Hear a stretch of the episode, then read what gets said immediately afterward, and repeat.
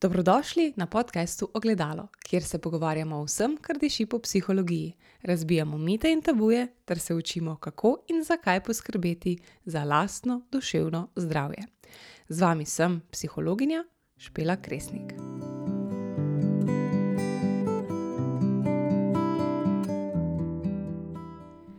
Preden se posvetimo današnji tematiki, vas lepo vabim, da mi pomagate razširiti glas o sveži epizodi podcasta in tako pomagate tudi drugim, da slišijo in morda se naučijo kaj novega in dobijo kakšno novo spoznanje. To pa storite preprosto tako, da moj podcast ocenite in napišete mnenje, če imate to možnost na svoji podcast aplikaciji, in se na podcast naročite, ali pa ga samo delite z drugimi na svojih socialnih omrežjih. Dajte me označiti, da lahko potem jaz tudi to podelim naprej. Um, za vse vprašanja, komentarje in mnenja sem vam, tako kot vedno, na voljo preko e-maila ali preko zasebnega sporočila na Instagramu. In vsako vaše sporočilo je več kot dobrodošlo. V tokratni epizodi nisem sama. V goste sem namreč povabila prehransko kočinjo, ki pomaga ženskam pri urejanju menstrualnega cikla. To je Anja Kikl, ki svoje delo zares opravlja z vsem srcem. To se pri njej zelo, zelo čuti. In um, mislim, da boste tekom pogovora to začutili tudi vi. Vse kontakte, ki lahko Anjo potem kontaktirate, bom pustila v šovnovcih. Um, o čem pa bomo v bistvu danes sploh govorili? Uh, pravzaprav smo se dotaknili ene tako zelo pomembne tematike, uh, ki, po mojem mnenju, mogoče ne posvečamo ravno dovolj prostora. Um, pogovarjali smo se v bistvu o vplivu hormonov na naše duševno zdravje, o težavah v menstrualnem ciklu in kako le te vplivajo potem na naše duševno zdravje, oziroma kako se odražajo na našem duševnem zdravju. Um, govorili smo tudi o tem, um, kako v bistvu obvladovati ta nihanja, ki jih imamo znotraj tega menstrualnega cikla, um, in se spraševali, ali lahko za svoje čustvena nihanja krivimo izključno hormone.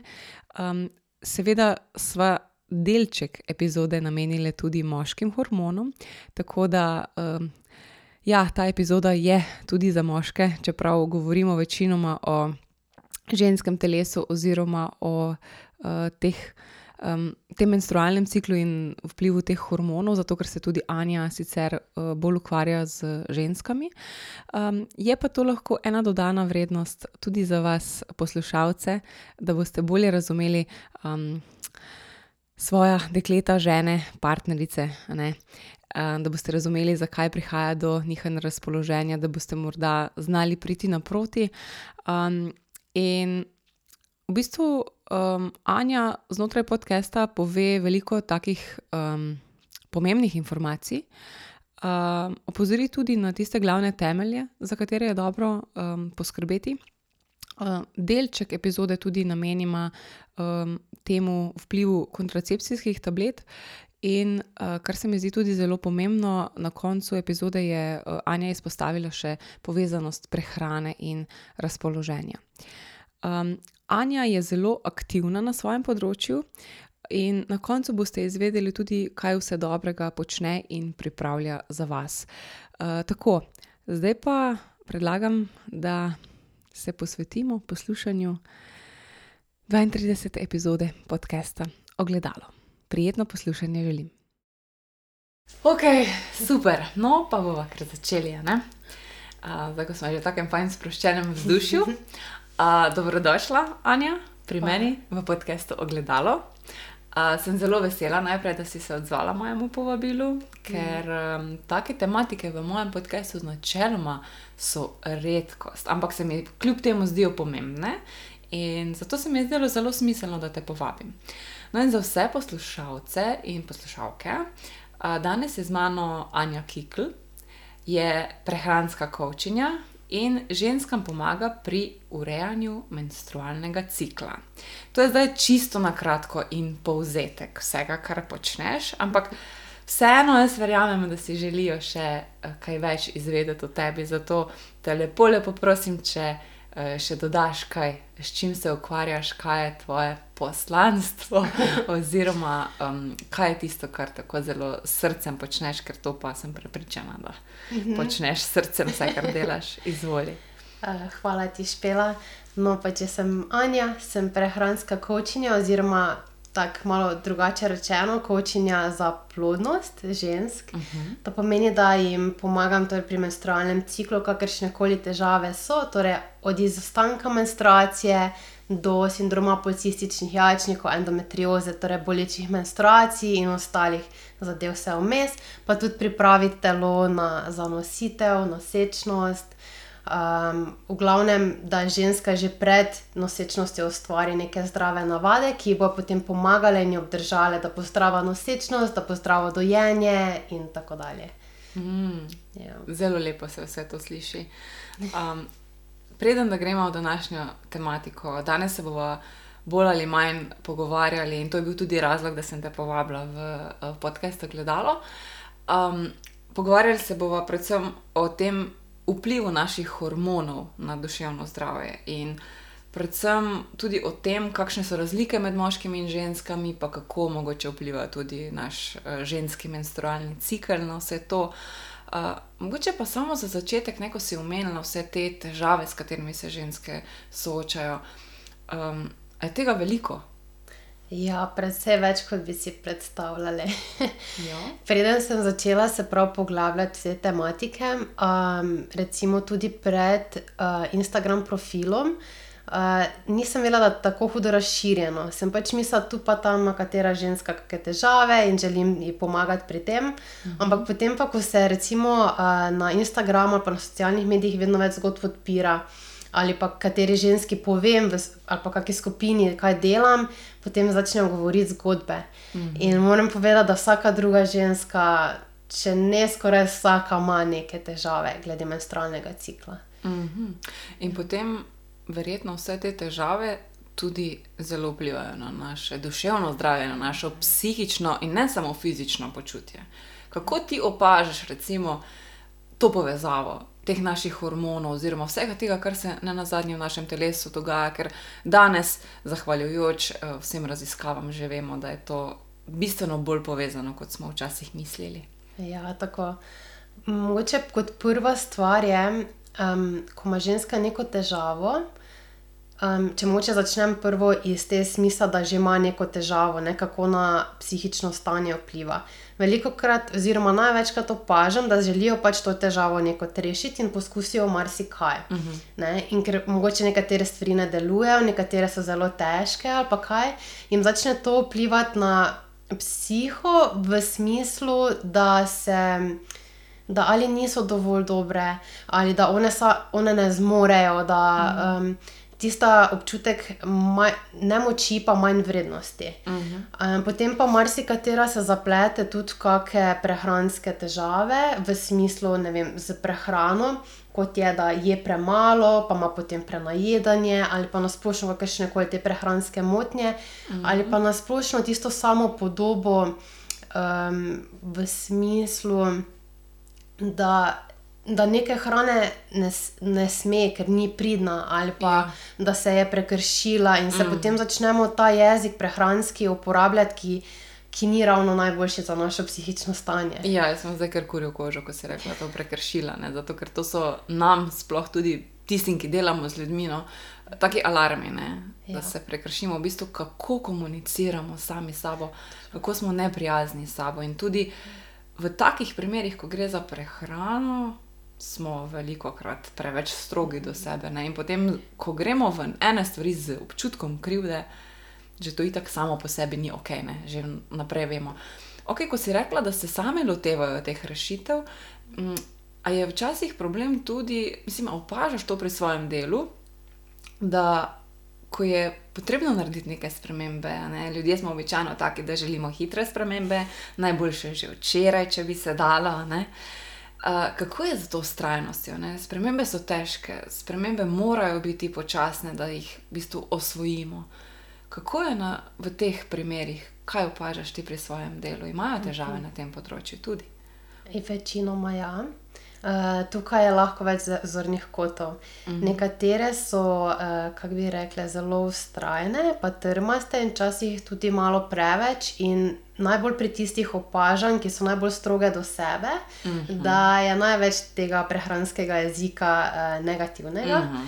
Um, potem po drugi strani pa so ženske, kot si omenila, da uh, hočejo vse takoj ne, in da ne bi rabile preveč truda vložiti, ampak vemo, da če um, nek problem obstaja, je do njega bila dolga pot, da je prišlo. Ne. To pomeni, Ja. ja. Da ne more biti kratka pot za tem. Točno to, točno to. ja. Ja, um, in s tem se največkrat srečujem, zaradi tega, ker me kontaktirajo ženske na socialnih medijih prek spletne strani, kjerkoli, uh -huh. ki bi želele takoj neke odgovore, takoj uh, rešitev. Uh -huh. In jim pač pojasnim, da najprej jaz ne morem dati jim kar nekih točk. Uh -huh. Ker ne poznam njenega življenjskega sloga, uh -huh. uh, njena splošno, ne, in take stvari je treba spremljati, da lahko ženski sprva pomagam. Druga stvar pa je, da ni nekih čudežnih rešitev. Mm.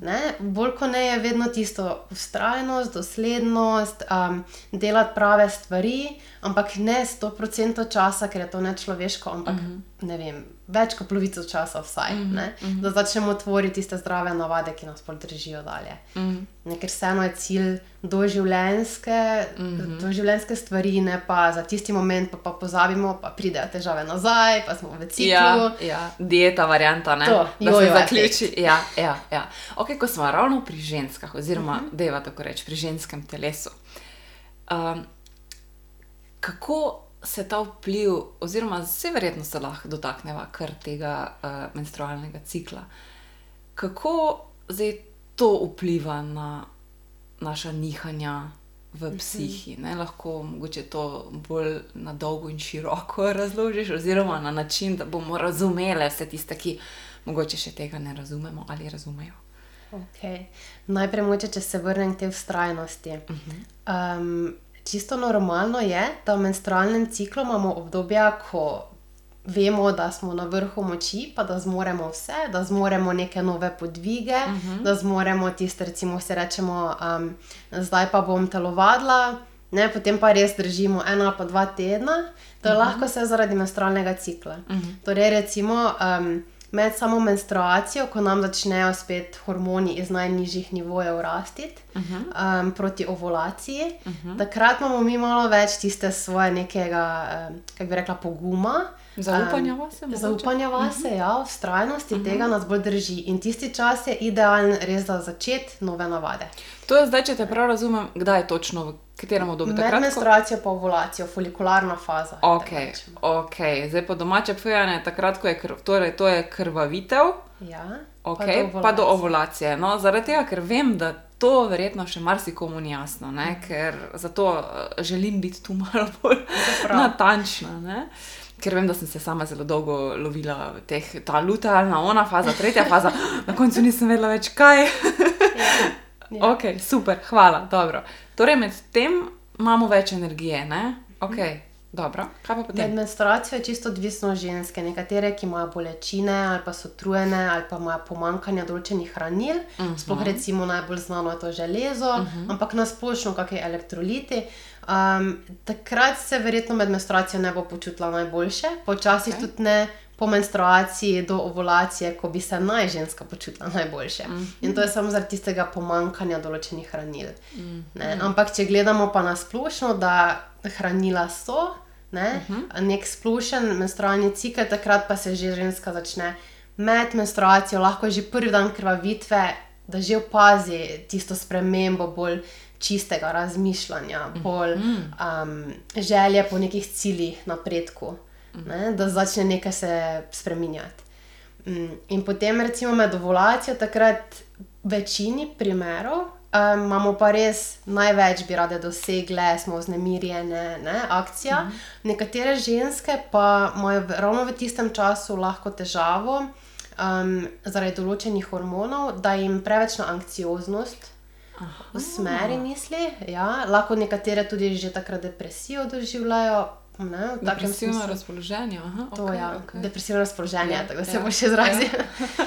Ja, uh, zaradi tega, ker hormoni hitro narastejo, pa hitro padejo. Ne? In takrat večje so spremembe v naših hormonih, takrat se največje spremembe tudi v našem počutju dogajajo. Okay. Ne? Zato pa tudi, recimo, drugi del menstrualnega cikla, po ovulaciji, uh -huh. do menstruacije, uh -huh. temu rečemo lutealna faza okay. ali sekrecijska faza menstrualnega uh -huh. cikla. In takrat največ žensk opazi malo bolj tako uh, down razpoloženje, um, nekatere malo več anksioznosti, depresivnega razmišljanja, hitreje nas nekaj zmoti. Mm -hmm. ne? In takrat se je najboljše spremljati, zaradi tega, da, ne, da v bistvu mi ne damo te slabše energije na partnerja ali pa na sebe, ne, da se krivimo za karkoli. Mm, zaradi tega, ker če smo poskusili v prvem delu cikla nekaj novega vzpostaviti, bo verjetno to izziv v drugi delu faze. Tako da takrat trajnost je lahko malo tako uh, nihajoča. Na preizkušnji. Na preizkušnji, točno to. Ja. Mogoče takoj po ovulaciji lahko tisti PMS pride. Uh Mhm. -huh. ne? Nekatere ženske ga čez celo lutealno fazo občutijo, uh -huh. nekatere ima pa tista nihanja, kar je popolnoma normalno. To pomeni PMS, nihanje razpoloženja, um, ne? eh, nihanje energije. To se najbolj očitno opazi recimo po sami ovulaciji, takrat, ko hormoni naglo padejo, potem se malo to umiri, zrahla, potem pa pred menstruacijo pa spet lahko udari, malo konkretneje ven. Mm -hmm. Zato pa tudi tisto razpoloženje, ko je malo bolj down, oziroma um, se malo slabše počutimo, lahko to z kako bolj sladko prehrano poskusimo nadomestiti, da dobimo Ah, več energije ne? in zato ženska tudi poseže po čem sladkem. Ker ga telo potrebuje v resnici. Ne? V Če mislim, bistvu- na nek način ne. mislimo, Ja, da ga potrebuje, mislimo, ja. energijo potrebuje. Energijo, ne? ja, v takem smislu. Ja, okay. Ja. In pač lahko se zgodi, če mi posežemo takrat preveč po sladkarijah, da še bo bolj. Ja, ne, še zanihajo. Točno to. Potem pridejo že druga nihanja. ne. Ja, ja, ja. Okay. Všeč mi je bilo zelo, ko si rekla, takrat se je dobro spremljati. Mhm. Se mi zdi, da je to tisto obdobje, torej zdaj popravi me, če bom narobe rekla, lutealna faza po ovulaciji do naslednje krvavitve, ne? menstruacijske, menstrualne. Um, da je to eno tako fino obdobje za samorefleksijo, za pogled vase. Čeprav verjetno ni najbolj prijeten, no? ampak takrat mogoče se nam odpre dostop do tistih pristnih. Malo bolj pristnih čustev. No, vse ne pravim, da tista uh, vesela, razpoloženja, pa to niso pristna čustva, so absolutno, ampak tu imamo morda priložnost, ampak se mi zdi, da večinoma pa gledamo na to iz vidika, da je to brez veze, da bo to spet tisti čas, ko ne bomo razpoložene, ko se nam itak ne bo nič dalo, ko bomo spet sitne, ne? partner bo že vedel, ja, tisti dnevi so v redu, je spet si tečna. Ne? In namesto da bi tu izkoristili ta čas za pogled vase, ne, gremo spet, ne, tako smo že prej rekli, eh, način komunikacije je že to, če v prvi vrsti to dojemamo kot nekaj butastega, nekaj takega, da bomo tečne, ja pa to nas ne bo motiviralo, da bomo to izkoristili sebi v prid. Ne. Je pa še vseeno, se mi zdi, zdaj, ko si tako razlagali, ja, hormoni lahko skokovito narastejo, pa skokovito padejo, vseeno pa to ne bi smel biti izgovor, zdaj, da se samo zaradi tega slabo počutimo in da res nič ne moremo narediti. Ne? A imamo kljub temu, se ti zdi, oziroma kakšna so tvoja mm, znanja okoli tega, imamo mi dovolj vseeno moči ali lahko s prstom kažemo na krivca, da so zdaj pa hormoni krivi, da mi tega pa ne zmoremo.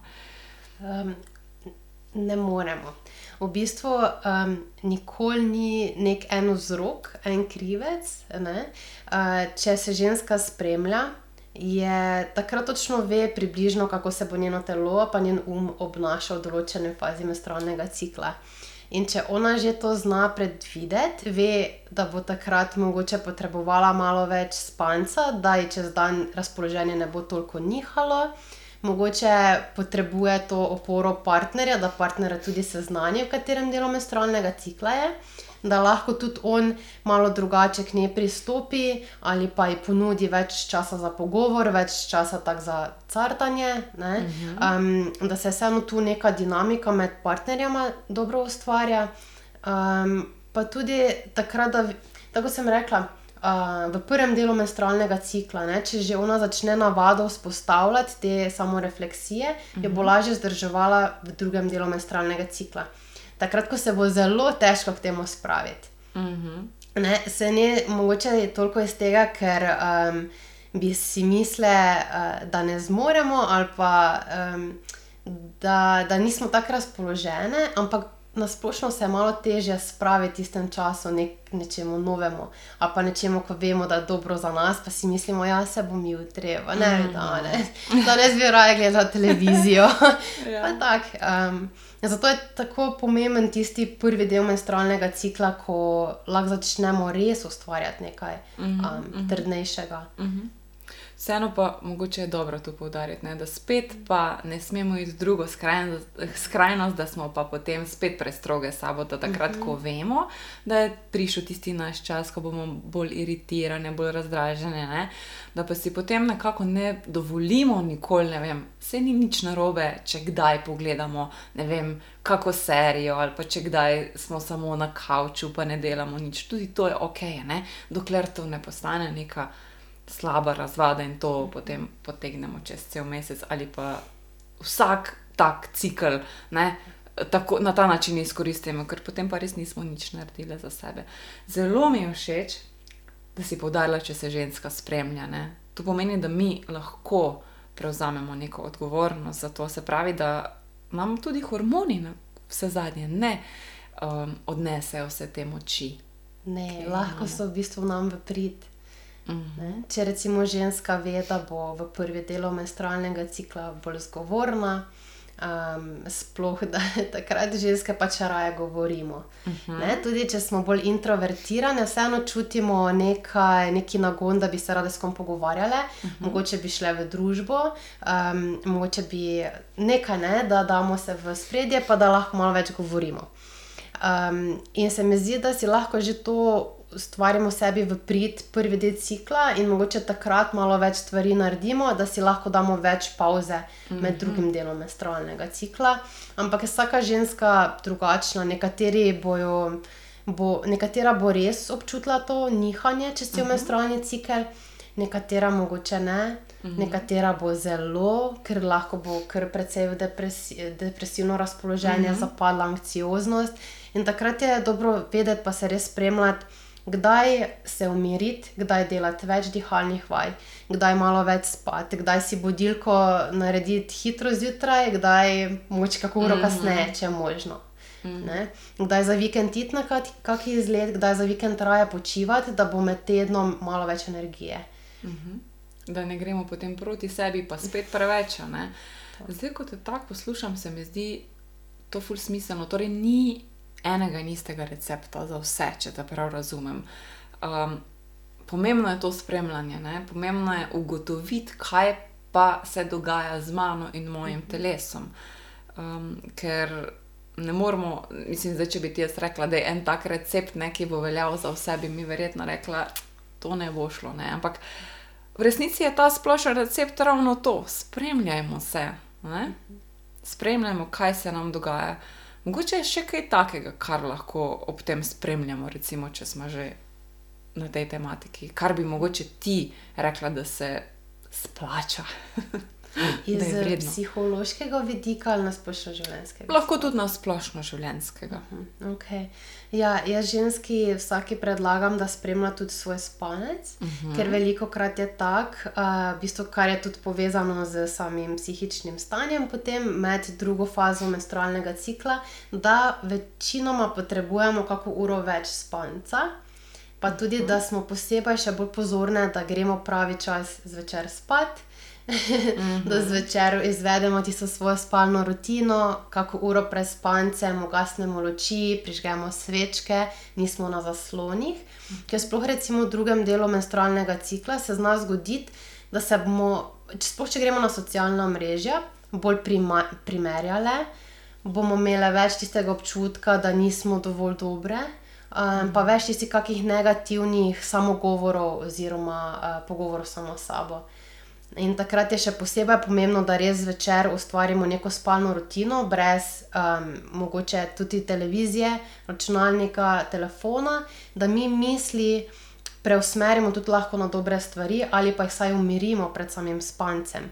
Ker v bistvu se bo to poznalo na naslednjem dnevu, predvsem, mm -hmm. kakšne volje se bomo zjutraj zbudile, kako bomo komunicirali z partnerjem, z starši, z, v službi. Mm -hmm. In to se že začne tudi en večer prej. To se mi zdi, da je tako izredno pomembna informacija da upam, da si jo bo kdo tudi zapisal. No? Zaradi tega, ker uh, ko si vprašala prej, ali mora biti iz psihološkega vidika, sem mislila, da okay, wow, bomo še malo širše šli, ampak dejansko je spanje tudi del ne, tega, ker deprivacija spanja vemo, kako slabo vpliva tudi na naše možgane in nasplošno na funkcioniranje.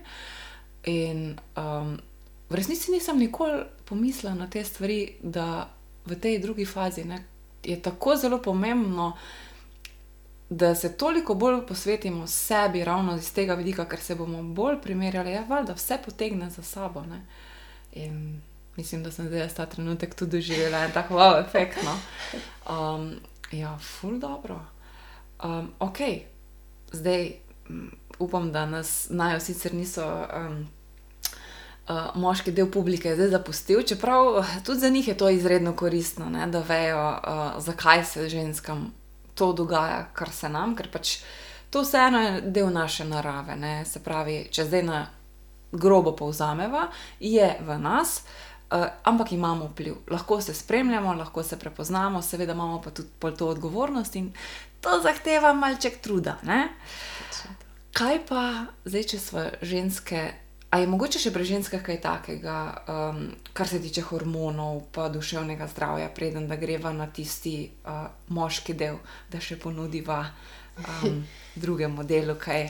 Ja, ženske prehitro kaj, zato ker se teže se poglobiti sam v sebe, pa uh -huh. sam sebe razumeti uh -huh. in lažje dajemo krivdo na PMS ali pa samo na menstrualni cikel. Uh mhm. -huh. Zato bi poudarila, da je tukaj res zelo pomembno, da če že uh, ne hodimo k psihologu, psihiatru, psihoterapeutu, coachu. Uh -huh. Um, da se sebe malo spremljamo, recimo zvečer si eno minuto časa, ali pa zjutraj eno minuto časa vzamemo za to, da razmislimo, kaj si želimo, kakšni so naši cilji um, in nasplošno, kako se počutimo ne, da se damo v tisti trenutek, v bistvu. Um, sploh v drugi, drugem delu uh, faze je to zelo pomembno. In um, hotela sem pa povedati pri tem to, um, da je tisto samozavedanje skozi cel menstrualni cikel ključnega pomena za nas splošno, da bo naše življenje lahko lepo, pa sproščeno, pa uh -huh. na izi. Uh -huh. um, Zaradi tega, ker tudi večina ljudi no, živi z partnerjem, In če ženski preveč niha energija in razpoloženje čez dan, bo to lahko vplivalo na njenega partnerja, na zvezo, na otroke, kar ni fair do njih. Mm. In da bi, to, ne, da bi se ženske začele same zavedati teh stvari in da bi potem začele na tem delati.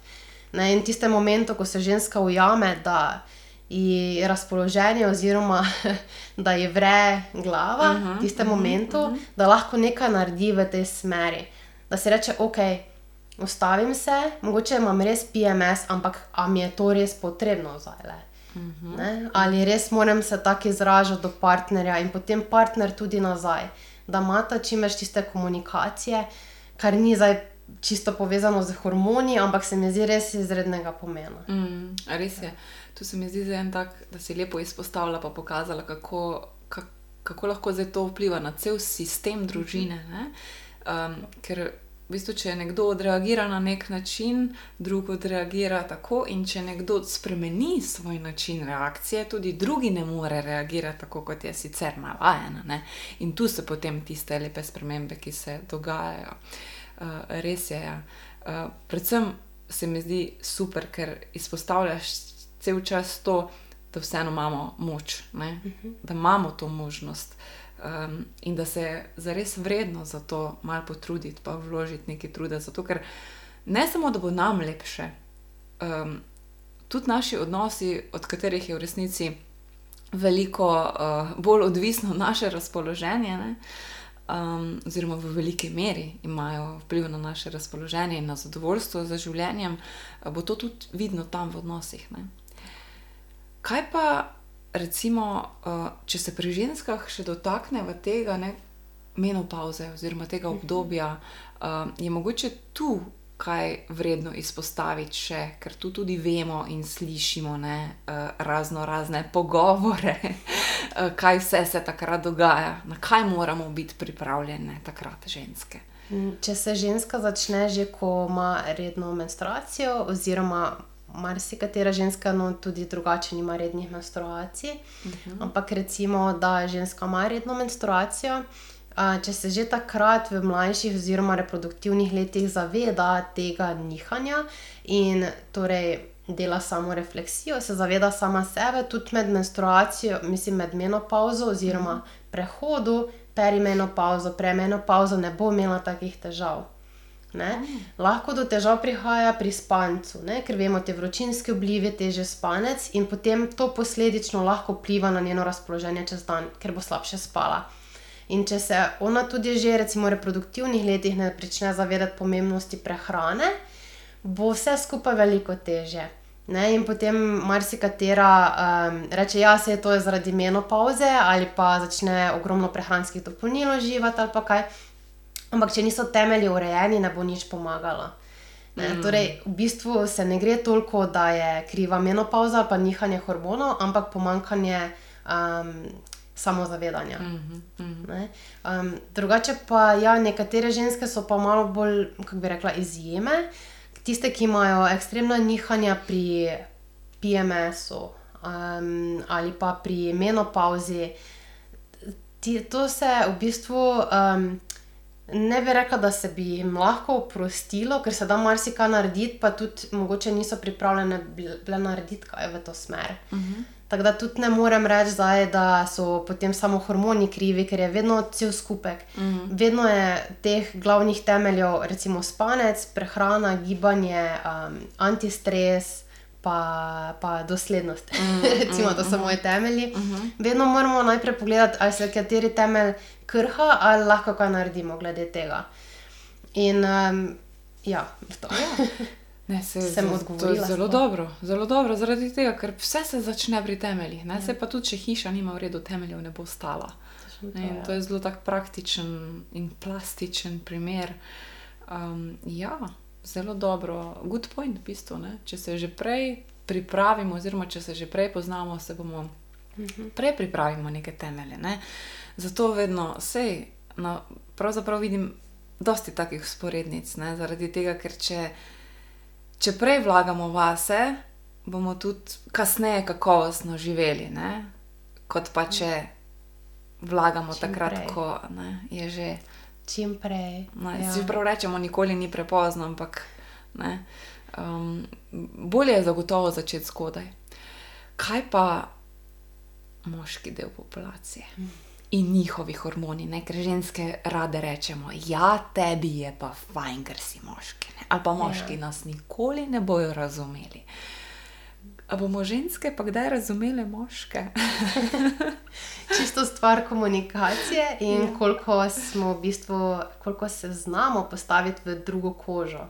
Ja. Tako da moški imajo mogoče res isto nihanje v enem dnevu, da je testosteron zjutraj najvišji, potem pa so lahko popoldan malo bolj tečni. Aha, okay. Kaj to, da je, ja. prosim, razloži, kaj to pomeni za vse tiste, ki tega ne razumejo? Kaj pomeni, da je, je testosteron višji? Kaj to za moškega pomeni? Um, V bistvu je eh, pri testosteronu tako zanimiva povezava, ker marsikdo bi rekel, da višji testosteron pomeni malo bolj tako moško, pa kako agresivnost.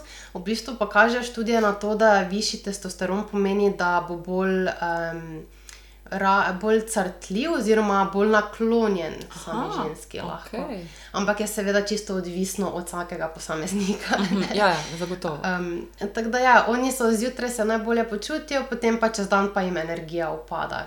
Mhm. -huh. Ni zdaj nekaj takega, da bi rekli specifično, tako ženski, ki čez cel mesec. Uh -huh. um, predvsej njiha vse skupaj. Okay. Um, ja. Kaj pa, uh, tista uh, okoli 40-ih, uh, se pri moških nekaj začne dogajati. Ponavadi se slišimo, da takrat ženske rečejo: da je že 40, aha, ok, ok, normalno je. Kaj se dogaja? Ja, to v tem tudi rečemo moška menopauza. Uh -huh. Oziroma, pri moških je tudi tako, da če je ženska noseča, uh -huh. bo tudi on takrat. Um, tako bom rekla, malo drugače se mu začnejo hormoni tudi. Um, Hormoni nihati v tistem Aha. času, on tudi občuti drugače. Ko dobi otroka, mu tudi hormoni malo drugače igrajo. Uh -huh. um, tako da moški imajo tudi neko tako specifično nihanje, čeprav njihovo zdravje, pa hormonsko stanje se nikoli nisem toliko poglabljala. Uh -huh. okay. Vem pa, da on tudi čuti um, te ženske vplive. Uh -huh. On je tudi čutil hormone ženske no, čeprav to ni dokazano, okoli ovulacije, takrat, ko je ženska pač pripravljena na uh -huh. um, no, spolne nose oziroma ja. paritev pri živalih. Aha, ja. zanimivo. Torej, ne glede na vse, čutimo vse, ne? Ja. En in drugega. Um, super, imam še eno vprašanje, da zdaj skočiva še malo nazaj na ženske, ki se mi je zdaj vmes še porodilo. Uh, Ves čas smo govorili o tem naravnem ciklu. Uh, kaj se v resnici dogaja takrat, ko govorimo o nekem normalnem ciklu. Um, to verjetno ni takrat, kadar ženske imajo kontracepcijske tabletke ali pač. Ni. Takrat so v igri ti sintetični hormoni, uh mhm. -huh. kar pa žensko naredi malo drugačno. Ni tistega nihanja skozi cel menstrualni cikel, kar marsikatera ženska precej občuti. Ne, se vemo, da so lahko stranski učinki tudi kako depresivno razpoloženje, tudi depresija, anksioznost, pa nasplošno, da se ona ne čuti ona. Ne, mm. Ampak je čisto odvisno, kdaj je dobila prvo kontracepcijo, ker mogoče je dobila pri 14 ali pa še prej in se v bistvu sploh ni prav spoznala. Ja. Mm -hmm. Mm -hmm. In uh, ja, kontracepcija je tako zanimiva tema zase. Pri nekaterih ženskih je pač žal nujna, ker imajo res boleče menstruacije, ali pa recimo pri endometriozi, ko vemo, da če endometrioza napreduje, lahko gre tudi, oziroma to tkivo se lahko razraste v same jajčnike in poškoduje jajčne celice. Mhm. Tako da kontracepcijo samo po sebi ne moremo reči, da je dobra ali slaba, mhm. ampak preprosto je pa prevečkrat predpisana kot neka edina stvar, ki kar res ne bi bilo potrebno. Zopet je treba torej preveriti, ne? tako ja. kot cel čas že poudarjaš tudi za prehranske dodatke, vse si pač povdarjala, ne, da je treba najprej pogledati temelje in pogledati, kaj nam resnici manjka in če nam sploh to manjka. Ne. Ker tudi presežek nekaterih snovi v telesu verjetno ni ok. Ja. Super. Uh, jaz mislim, da si nam dala zdaj kar precej zamisliti. Ne. Ogromno enih informacij. Uh, zelo kvalitetnih informacij. Jaz sem zelo vesela, da si se odzvala na ta pogovor. Um, ker je bilo tudi za me precej stvari novih. Um, Da mi še povej, je še mogoče kaj takega, kar se ti zdi vredno, glede na to tematiko, kar smo uh, se zdaj pogovarjali, pa te mogoče nisem vprašala. Se ti zdi še kaj, da bi dodala, že bi želela karkoli še tu dodati, pa poudariti posebej? Najverjetneje bo marsikaj pozabila. ja, Ampak je pa se zgodi. je pa ena stvar, recimo prehrana. In to zaradi tega, ker ženske marsikdaj mislimo, da smo podvržene PMS ali pa bolečim menstruacijam ali pa nasplošno kakim uh, psihičnim motnjam, Z, ampak imamo v bistvu težave originalno v prehrani. Se pa res, um, je to tako, kot bi rekel, kokoš jajce. Uh -huh. Ali je prvo psihična težava, da je povzročila težave s prehrano ali s splošnim življenjskim uh -huh. slogom, uh -huh. ali je pa prvo slab življenjski slog povzročil psihične težave oziroma um, razpoloženske težave. Um, tako da uh, to. Mogoče ta le povezava, to je prva stvar, druga stvar pa je, če mi res poskusimo popaziti z življenjskim slogom, pa prehrano. Uh -huh in uh, mi popazimo, da bomo um, uživali kvalitetne, uravnotežene obroke, brez nekih pogostih, ultraprocesiranih živil na jedilniku, lahko pričakujemo, da se bo tudi razpoloženje veliko izboljšalo, ker ne bo tistega tako sladkornega nihanja oziroma krvnega sladkorja po nekem uh, obroku, ki je poln ogljikovih hidratov, ki, ni, ki ima premalo maščob, beljakovin, premalo zelenjave. In uh, lahko opazi sploh ženska v drugem delu menstrualnega cikla, takrat, ko je največ teh razpoloženjskih težav. Če si ona razporedi čez dan res kvalitetne obroke, da jih takrat ne spušča, da takrat uživa mogoče manj sladkorja, ali pa če že da po obroku, da ni to nadomestek obroka, takrat lahko pričakuje znatno izboljšanje. Ne samo razpoloženjskih stvari, ampak tudi na koncu kakih bolečih menstruacij ali pa karkoli je povezano z menstruacijo. Um, tako da je sploh ta drugi del menstrualnega cikla najpomembnejši, da ga znamo nekot sfurati, ker prvi del se veliko krat potem že sam neko to ravna.